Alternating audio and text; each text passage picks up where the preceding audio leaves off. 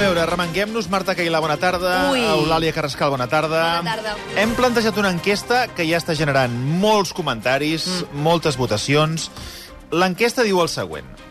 Estàs a favor d'un peatge per entrar a Barcelona? Sí. No. Estàs a favor d'un peatge per entrar a Barcelona? No. Sí. El Consell de Ministres ha donat llum verda perquè els ajuntaments estableixin peatges a l'entrada de les ciutats per reduir la contaminació. Ara amb la Marta Cailà repassarem la, els marcadors. Els percentatges. El, Mira, el Consell de Ministres ha aprovat aquesta setmana el projecte de llei de mobilitat sostenible, una norma que permet per primera vegada que els ajuntaments estableixin peatges de, en zones de baixes emissions dels seus municipis per reduir la contaminació. És a dir, que s'ha aprovat, però a partir d'aquí els ajuntaments poden fer-ho o no fer-ho. Mm.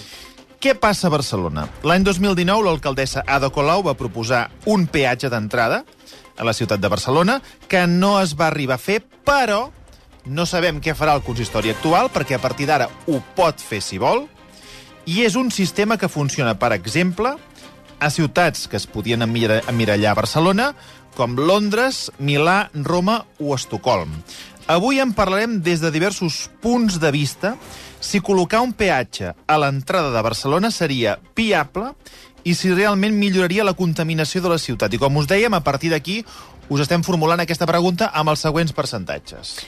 Uh, si sumem, perquè hem plantejat quatre opcions, dues uh, del sí, amb dos motius A favor del peatge, diferents, a sí. favor del peatge, i dues amb el no.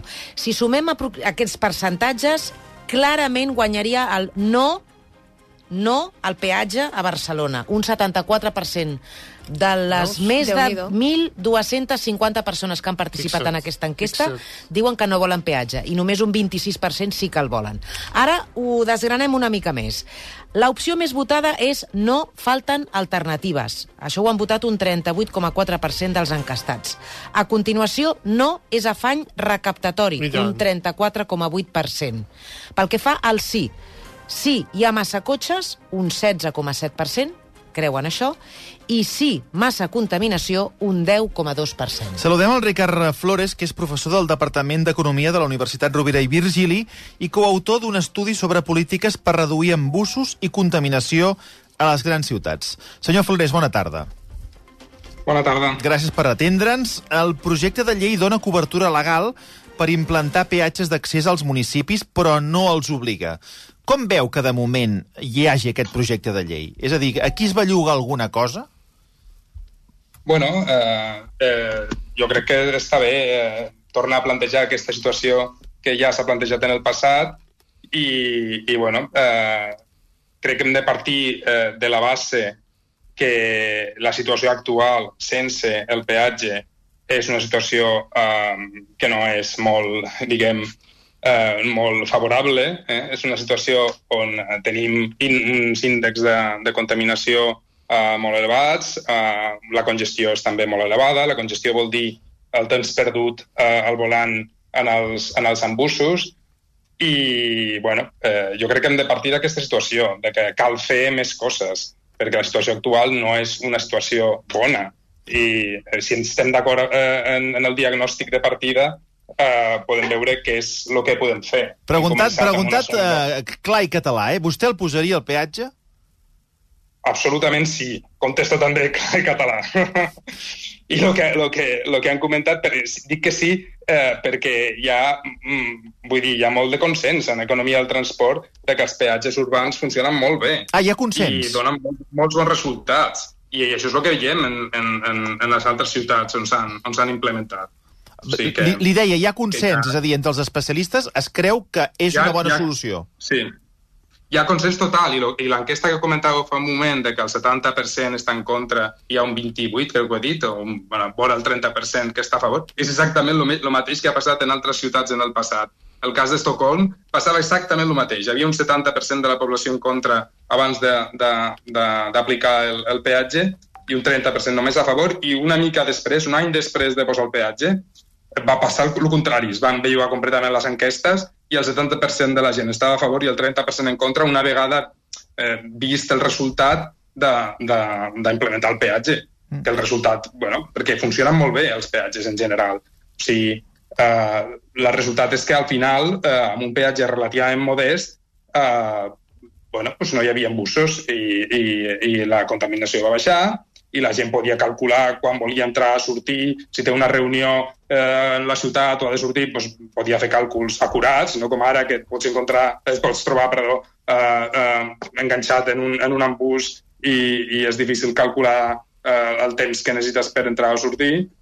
I, bueno, en fi, els resultats van ser, van ser van ser molt favorables. Dis Disculpi, eh, que vostè m'ho està plantejant... S'ha de veure el resultat. Vostè perquè està... d'entrada la gent és, sí. és pessimista, d'entrada la gent és, és negativa, sí. No, anava a dir, disculpi, eh, vostè m'ho està plantejant com una situació mm, extraordinària, màgica, eh, no, no hi ha bussos, eh, pots calcular l'hora d'arribar, és a dir, eh, per l'experiència en altres ciutats, eh, és així? És així, és, és, és sempre així, perquè els comportaments humans funcionen així, funcionem amb incentius. O sigui, quan, quan quan és el mateix que passa amb les bosses de plàstic en el súper, no? Quan hi ha, eh, quan hi ha un cost, els preus tenen aquest, aquest, aquesta funció una mica màgica que deia vostè, no? Mm. Quan hi ha un preu, eh, la gent eh, pensa, eh, es replanteja les seves decisions diàries i eh, en el cas del transport es racionalitza l'ús del transport eh, i funciona d'aquesta manera. El, el, el, el trànsit és, eh, té un funcionament eh, que segueix una funció exponencial. Això vol dir que eh, un increment de trànsit, està en una situació de trànsit fluid, augmentar els embussos, augmentar el trànsit en un 15 o un 20%, eh, representa que passem d'una situació de trànsit fluid a una situació de congestió, eh, d'estar aturat.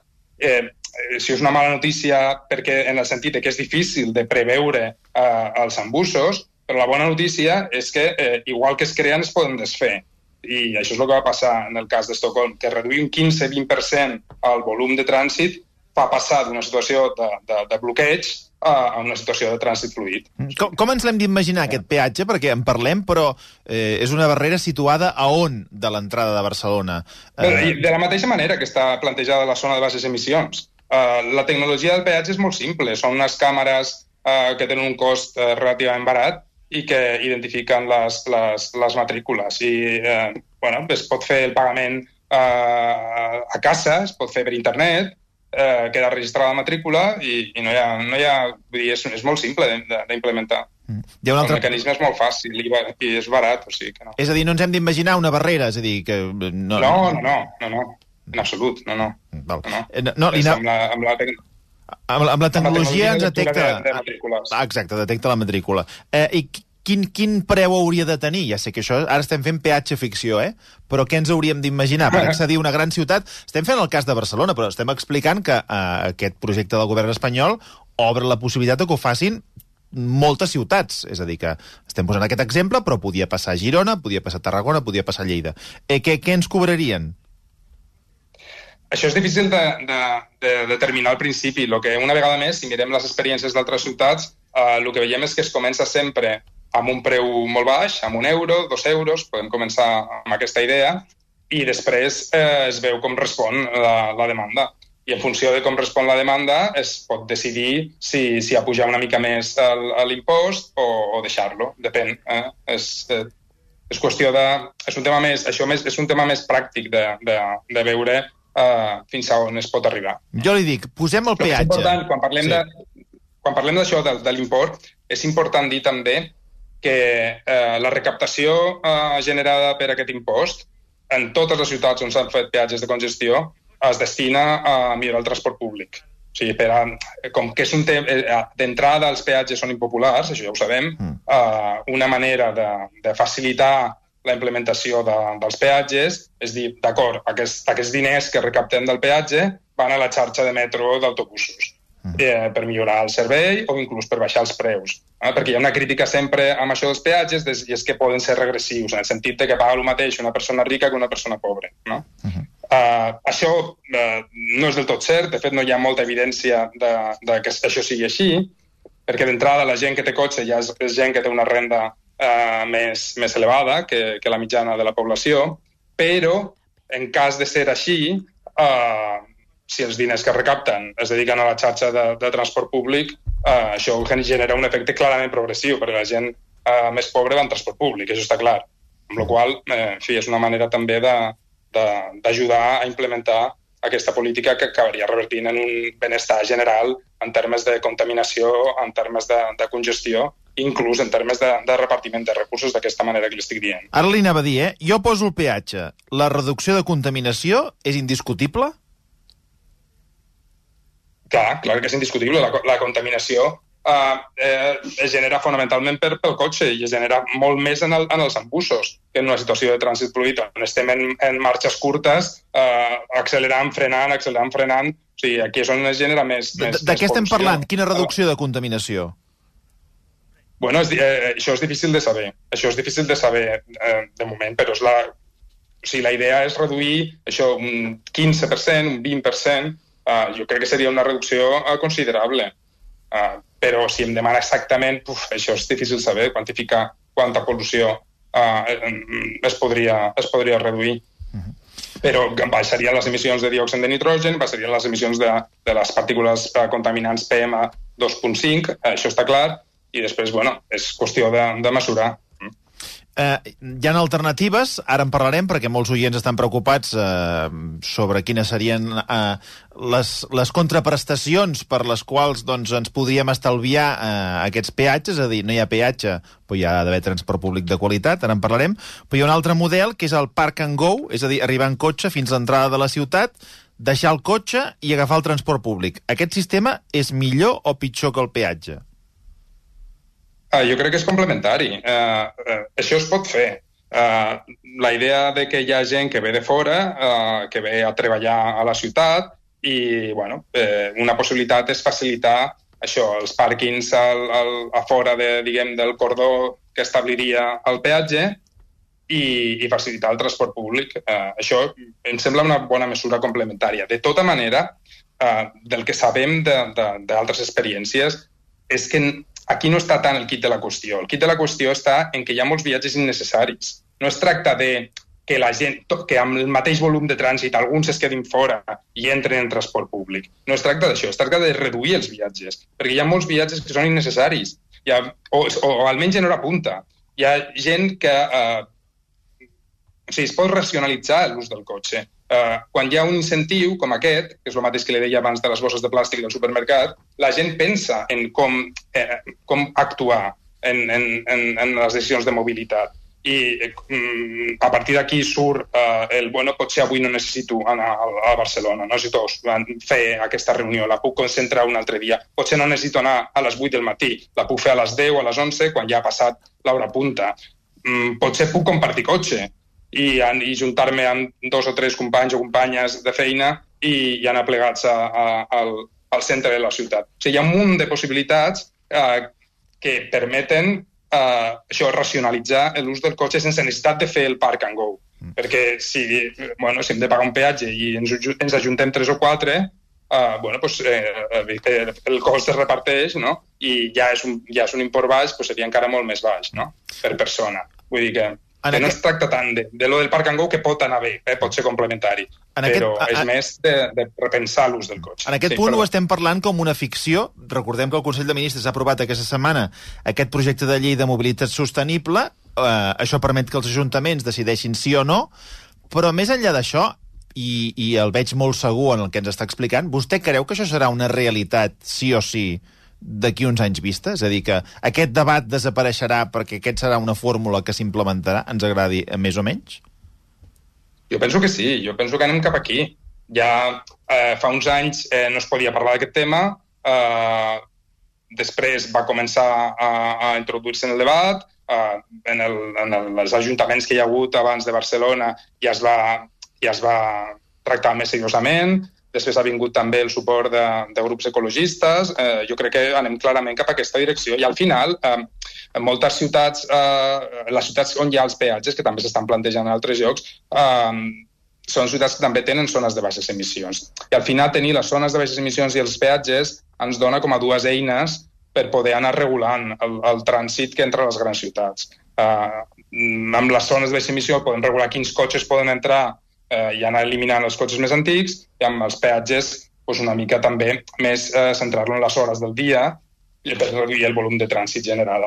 De manera que hi ha dos instruments que, que, ens poden, que es poden utilitzar, utilitzar de manera conjunta, coordinada, per intentar controlar una mica el, el trànsit de les ciutats. Jo crec que també mm. és important pensar que, que, que les ciutats no, o sigui, no estaven pensades per estar plenes de cotxes. En, en Barcelona és una ciutat que té um, una concentració uh, de cotxes uh, increïble. O sigui, uh, la, en la pròpia web de l'Ajuntament posava, no sé si encara ho posa fa un temps, que és la ciutat d'Europa amb una concentració més elevada de cotxes. Hi ha com a 5.000 700 eh, cotxes per quilòmetre quadrat. Vull dir, eh, ja es veu també quan hi ha decisions de, de pacificació de carrers, o ara que hem vist amb el, amb el carrer eh, a Consell de Cent, vull dir, eh, ja va passar en el passat també en Provença, inclús en Portal de l'Àngel i altres zones, que al principi, quan es, es pren una, hi ha una resistència a la reforma, una resistència d'entrada a un canvi de les nostres vides. Però quan veiem el resultat, diem, bueno, potser no està tan malament, no? Mm. I eh, al final millora la qualitat de vida, eh, hi ha més interacció en la ciutat, eh, són ciutats més amables i, eh, de fet, to totes les ciutats europees desenvolupades estan, estan avançant cap a aquesta direcció. Vostè en parlava aquí, abans d'anar a comprar, eh, de, de, de, de, de donar-hi un parell de voltes abans de venir a, a Barcelona amb cotxe, però, per exemple, professionals, transportistes, eh, visites mèdiques, eh, és a dir, aquí què, què hem de fer amb això? No els hi cobrem el peatge? Els hi cobrem menys? Jo, o... Clar, s'ha de ser sensible amb tota aquesta gent, evidentment, evidentment. Aquí no, aquí no hi ha el problema. El problema no, no, és, és, és en l'ús privat de, de, de, de, individual de, de la gent, dels, dels cotxes, no és tant de, de, dels professionals. Jo, jo sí que seria partidari de, de, de fer excepcions amb, amb, amb els professionals que han de venir a treballar, que tenen un taller fora de la ciutat i treballen amb clients de la ciutat. Sí, clar, aquí jo crec jo seria partidari d'aquí de, de fer excepcions. Crec que, que, que és de sentit comú, no? És...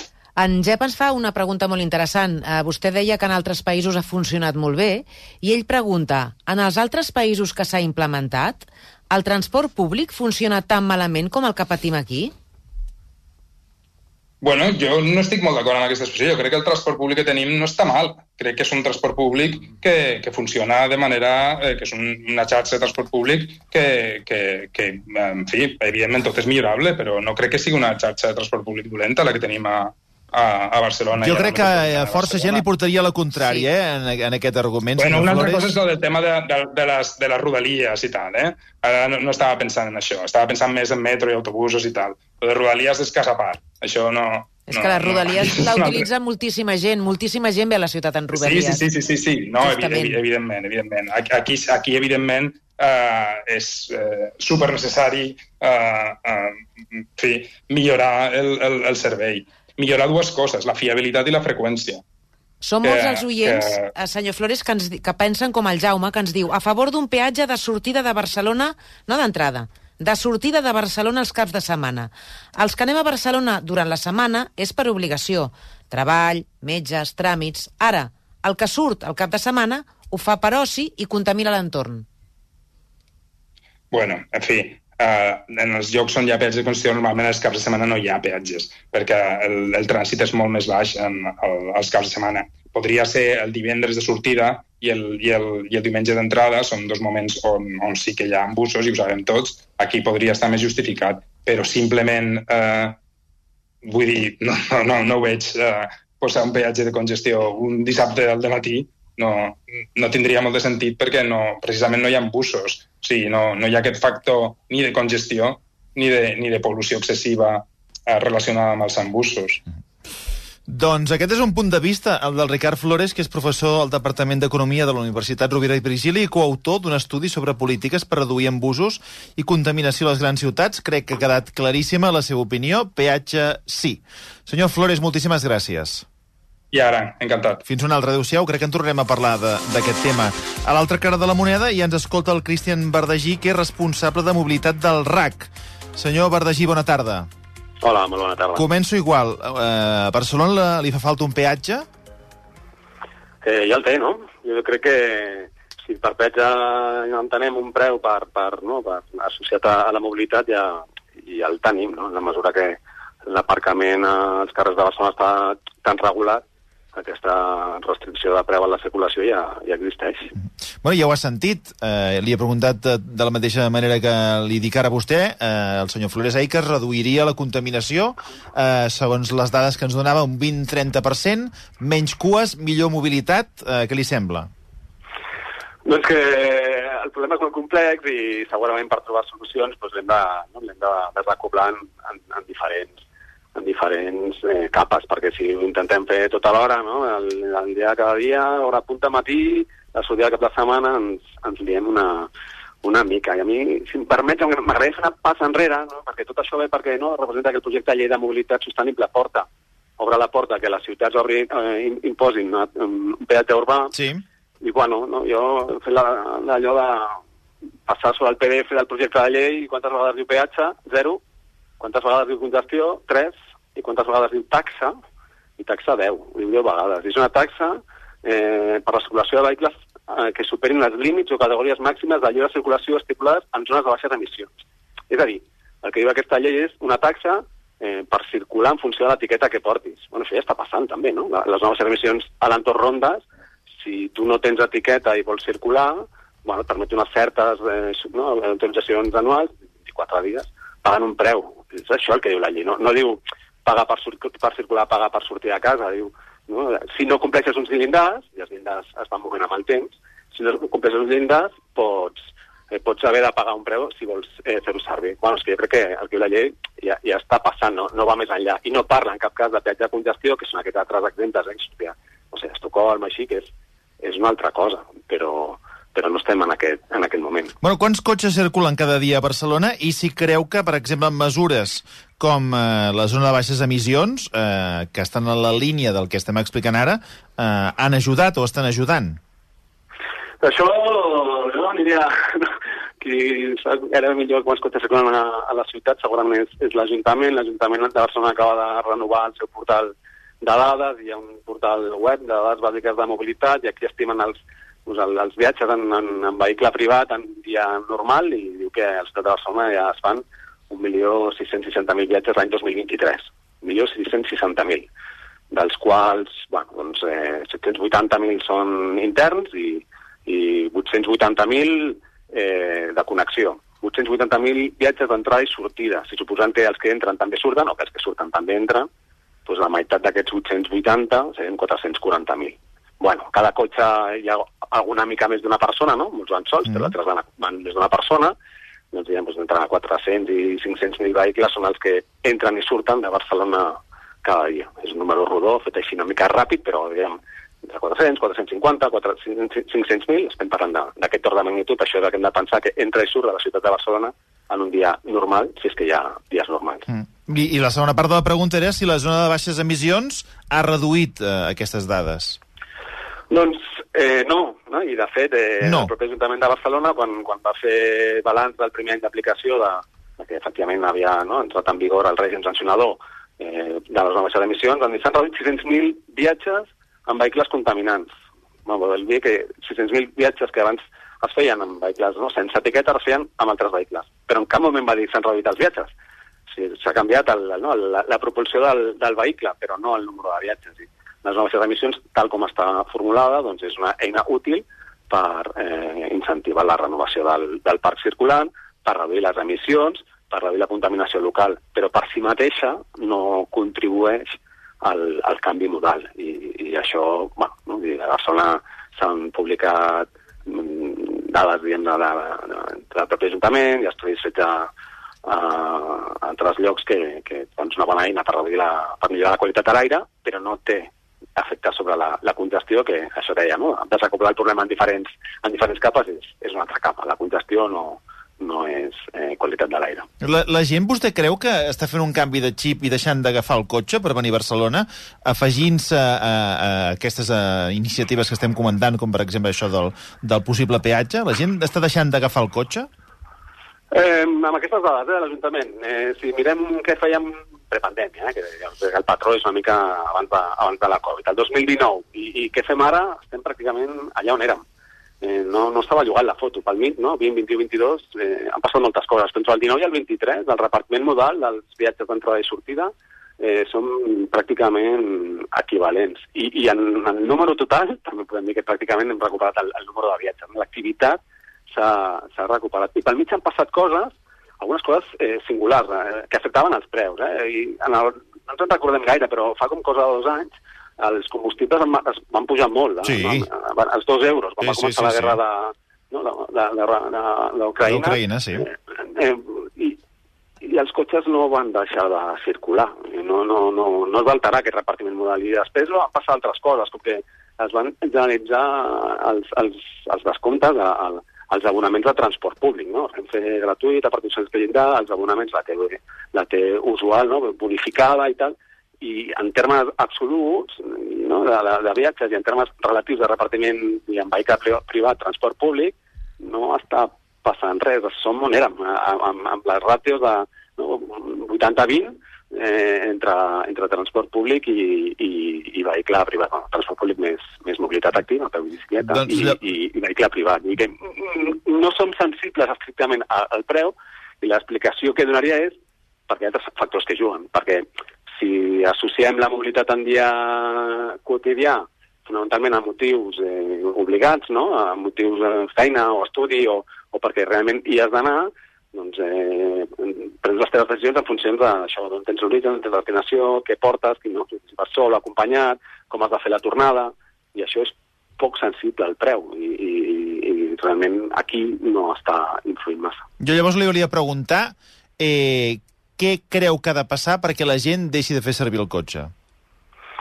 Doncs eh, aquí sí que coincidiria una mica amb, amb, amb el meu antecessor que parlava, ostres, aquí no, com els residus, eh? reduir, reciclar, reutilitzar, en anglès en diuen avoid, shift, improve, ASI, no? evitar, canviar i millorar. Doncs hi ha viatges que igual són, són superflus i, i, i ens podríem estalviar com a societat, i això va de, de canvi cultural, de, de canvi social.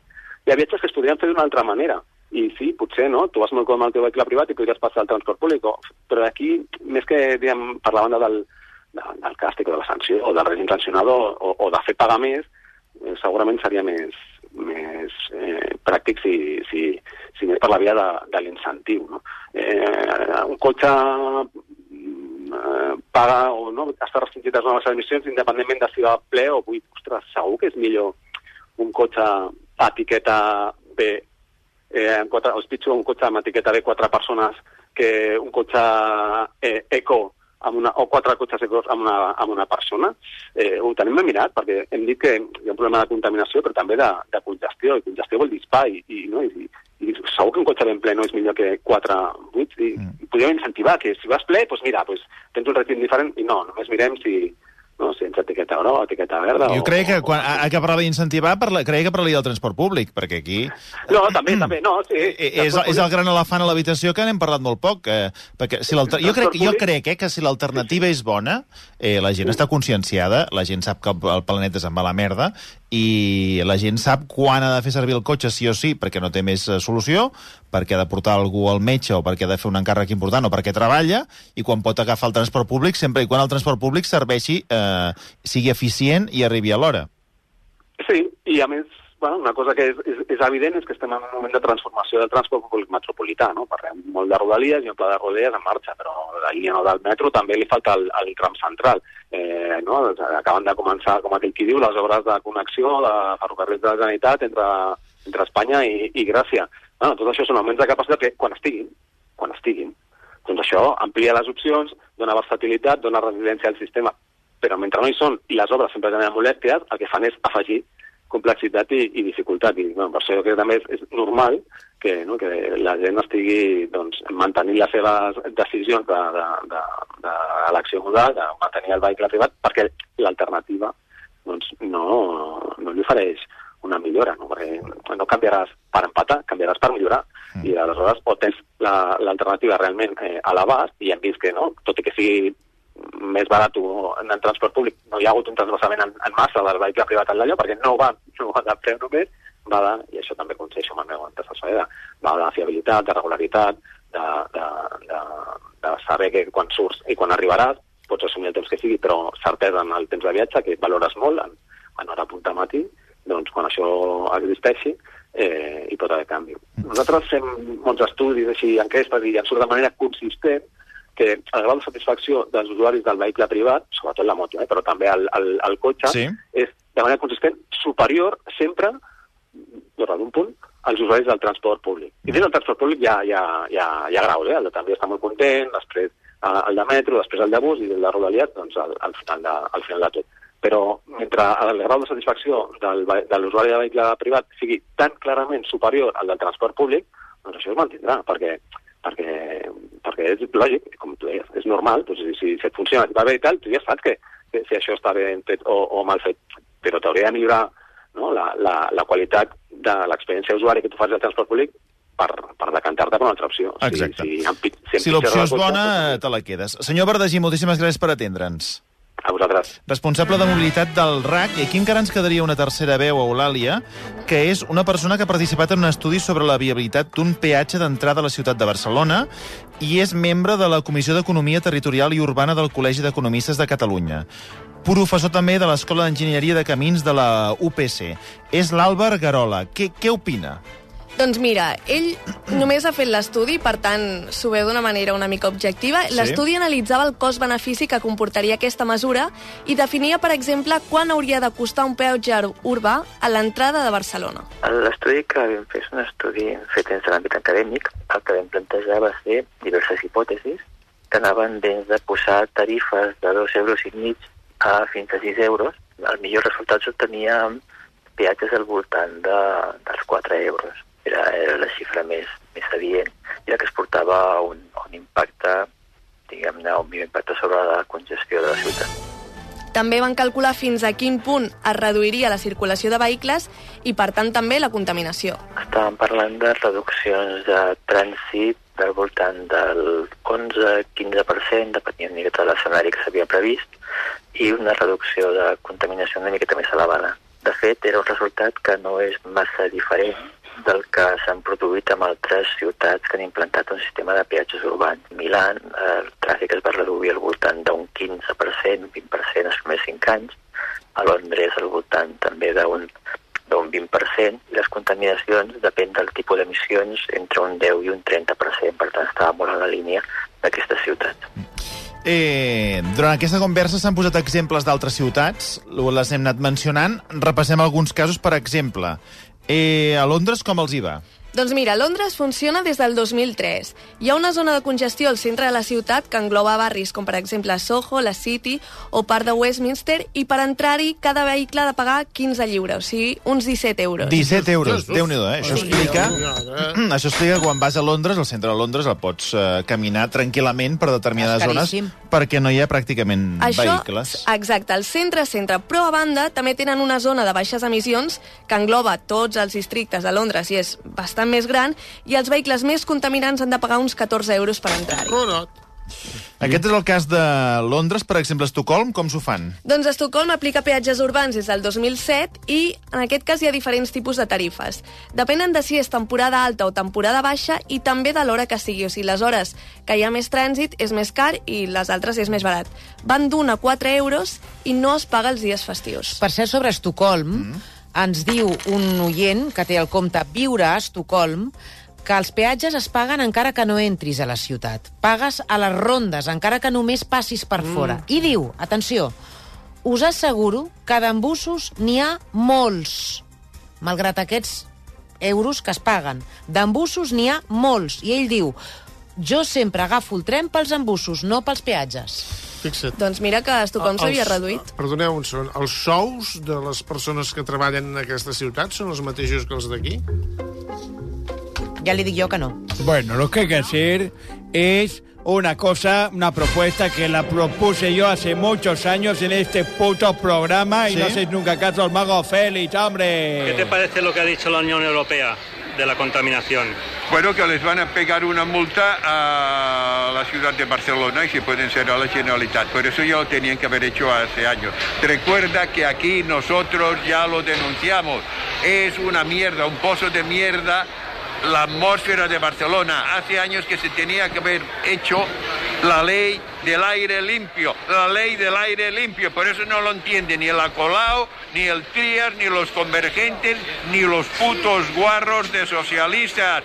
Espabilaros, tíos. puta mierda generalizada, ¿vale? que lo dije al Perabay y a su hermano, ¿me entiendes? Y no habían hecho una mierda. ¿Y ahora quién manda? Los putos guarros de socialistas. Venga, hombre. Eulàlia, gràcies. Moltes Escampar gràcies. més merda per tubos d'escape. Dios, mierda. Sí. Versió RAC 1.